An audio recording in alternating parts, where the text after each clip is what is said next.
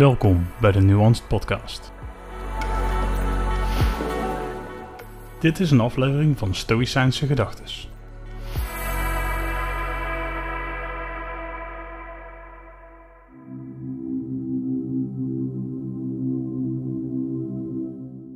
De drie trainingsgebieden.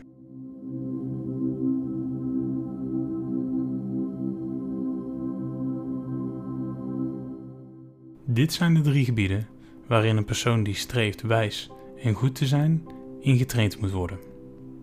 De eerste heeft te maken met verlangens en aversies. Dat een persoon nooit het doel van verlangen zal vergeten, noch vervallen in wat hen afstoot. De tweede heeft te maken met de impuls om te handelen of niet te handelen. Of breder gezegd, met plicht. Dat een persoon handelt met intentie, de juiste redenen en niet achterloos. De derde heeft te maken met vrijheid van deceptie, kalmte, het gebied van oordeel en de instemming die je geest geeft aan zijn waarnemingen. Van deze gebieden is de voornaamste en meest urgente de eerste, dat te maken heeft met passies. Want sterke emoties ontstaan waar we falen met betrekking tot onze verlangens en aversies. Epictetus. Leergesprekken 3.2.1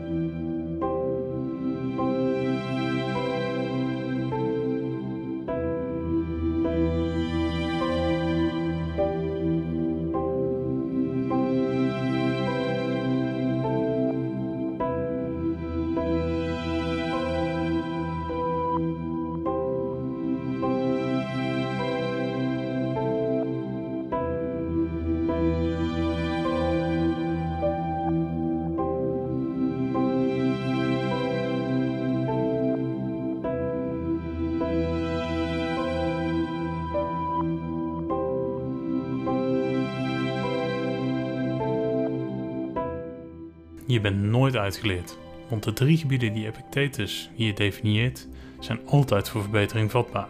Laten we deze drie gebieden eens verder doorgronden. Van onze verlangens en aversies hebben we vaak geen duidelijk beeld. Zo merkte ik bij mezelf toen ik de presentatie van een nieuwe smartphone zag dat ik deze het liefste direct wilde aanschaffen, want nieuw speelgoed. Gelukkig wist ik mezelf op te vangen voordat ik in dit gat van verlangen sprong. Ik stelde mezelf de vraag: wat doe ik daadwerkelijk met mijn telefoon en hoe verbetert deze smartphone mijn leven op deze fronten? Zonder deze hele lijst met je door te nemen, kom ik tot de conclusie dat het behoorlijk in de marge ging zijn. Ik ben mijn smartphone namelijk niet meer gaan gebruiken de afgelopen jaren.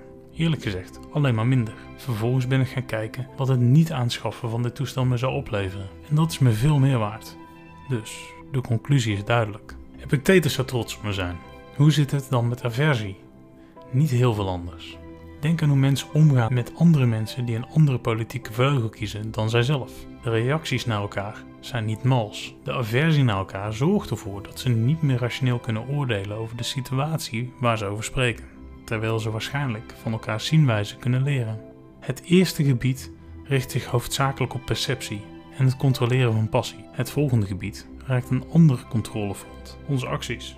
Want omdat we niet alles kunnen doen, maar zeker ook niet niks kunnen doen, zijn we altijd op zoek naar de balans tussen het ondernemen en negeren van acties. Welke van onze gedachten promoveren we tot actie? Welke delen we met anderen? En welke negeren we? In deze neem ik als voorbeeld een ondernemer. Ondernemers zijn doorgaans mensen die vol ideeën en plannen zitten, maar de keuze van welke ze uitvoeren bepaalt hun succes. Tegelijk vallen hier ook acties onder die we helemaal niet willen uitvoeren. Denk aan onze belastingen. Die willen we het liefste niet doen, maar we zijn ze verplicht onder rechtsstatelijke en morele regels. Want met deze belasting ondersteunen we zaken die particulier niet te overzien zijn, om het zo neutraal mogelijk te zeggen. Het laatste gebied dat Epictetus aanhaalt komt feitelijk neer op het behouden van kalmte en het doorzien van deceptie. Niets is makkelijker dan boos worden wanneer iets tegenzit. Het vervelende is dat niets beter wordt van boos worden. Door je kalmte te bewaren verdien je doorgaans meer. Hoe moeilijk dit ook is. Kalmte is als een wind die de dichte mist van teleurstelling en boosheid openblaast voor een helder beeld op de frustrerende situatie. Zonder een helder beeld op het pad voorwaarts is de kans op een verkeerde, door passie geleide actie groot. De drie beschreven gebieden grenzen aan elkaar En wanneer je investeert in deze drie gebieden, dan kan je je nog steeds laten leiden door emotie en verlangens. Maar de kans dat jij ze onderschept voordat ze je de val intrekken, wordt vele malen groter. Je kan jezelf reactief trainen door situaties uit het verleden te heroverwegen. Deze heroverweging moet bestaan uit een analyse van de beschikbare paden en welke paden tot een onwenselijke uitkomst zouden leiden of hebben geleid. Wanneer je dit regelmatig doet, dan merk je dat je in toekomstige conflict situaties rustiger gaat zijn en een beter overzicht hebt. Dat je kalmer zal zijn en minder makkelijk tot frustratie uit te lokken bent.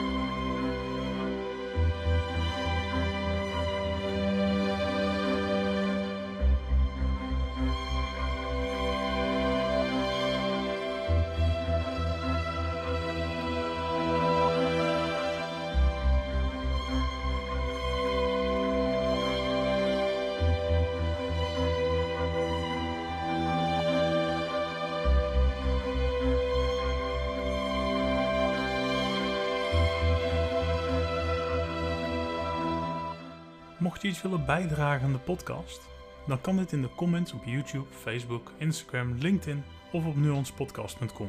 En wil je me een vraag stellen, dan kun je via Anchor een bericht inspreken. En die zal ik dan in de volgende aflevering laten horen en bespreken.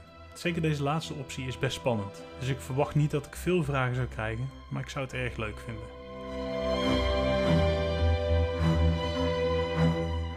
Vond jij deze aflevering waardevol? Abonneer dan op het Nuance Podcast YouTube kanaal. Volg de podcast op Spotify of deel de podcast met anderen via social media en like de podcast of de post. Dit helpt mij het kanaal te ontwikkelen en de podcast te verspreiden. Enorm bedankt voor je tijd en tot snel.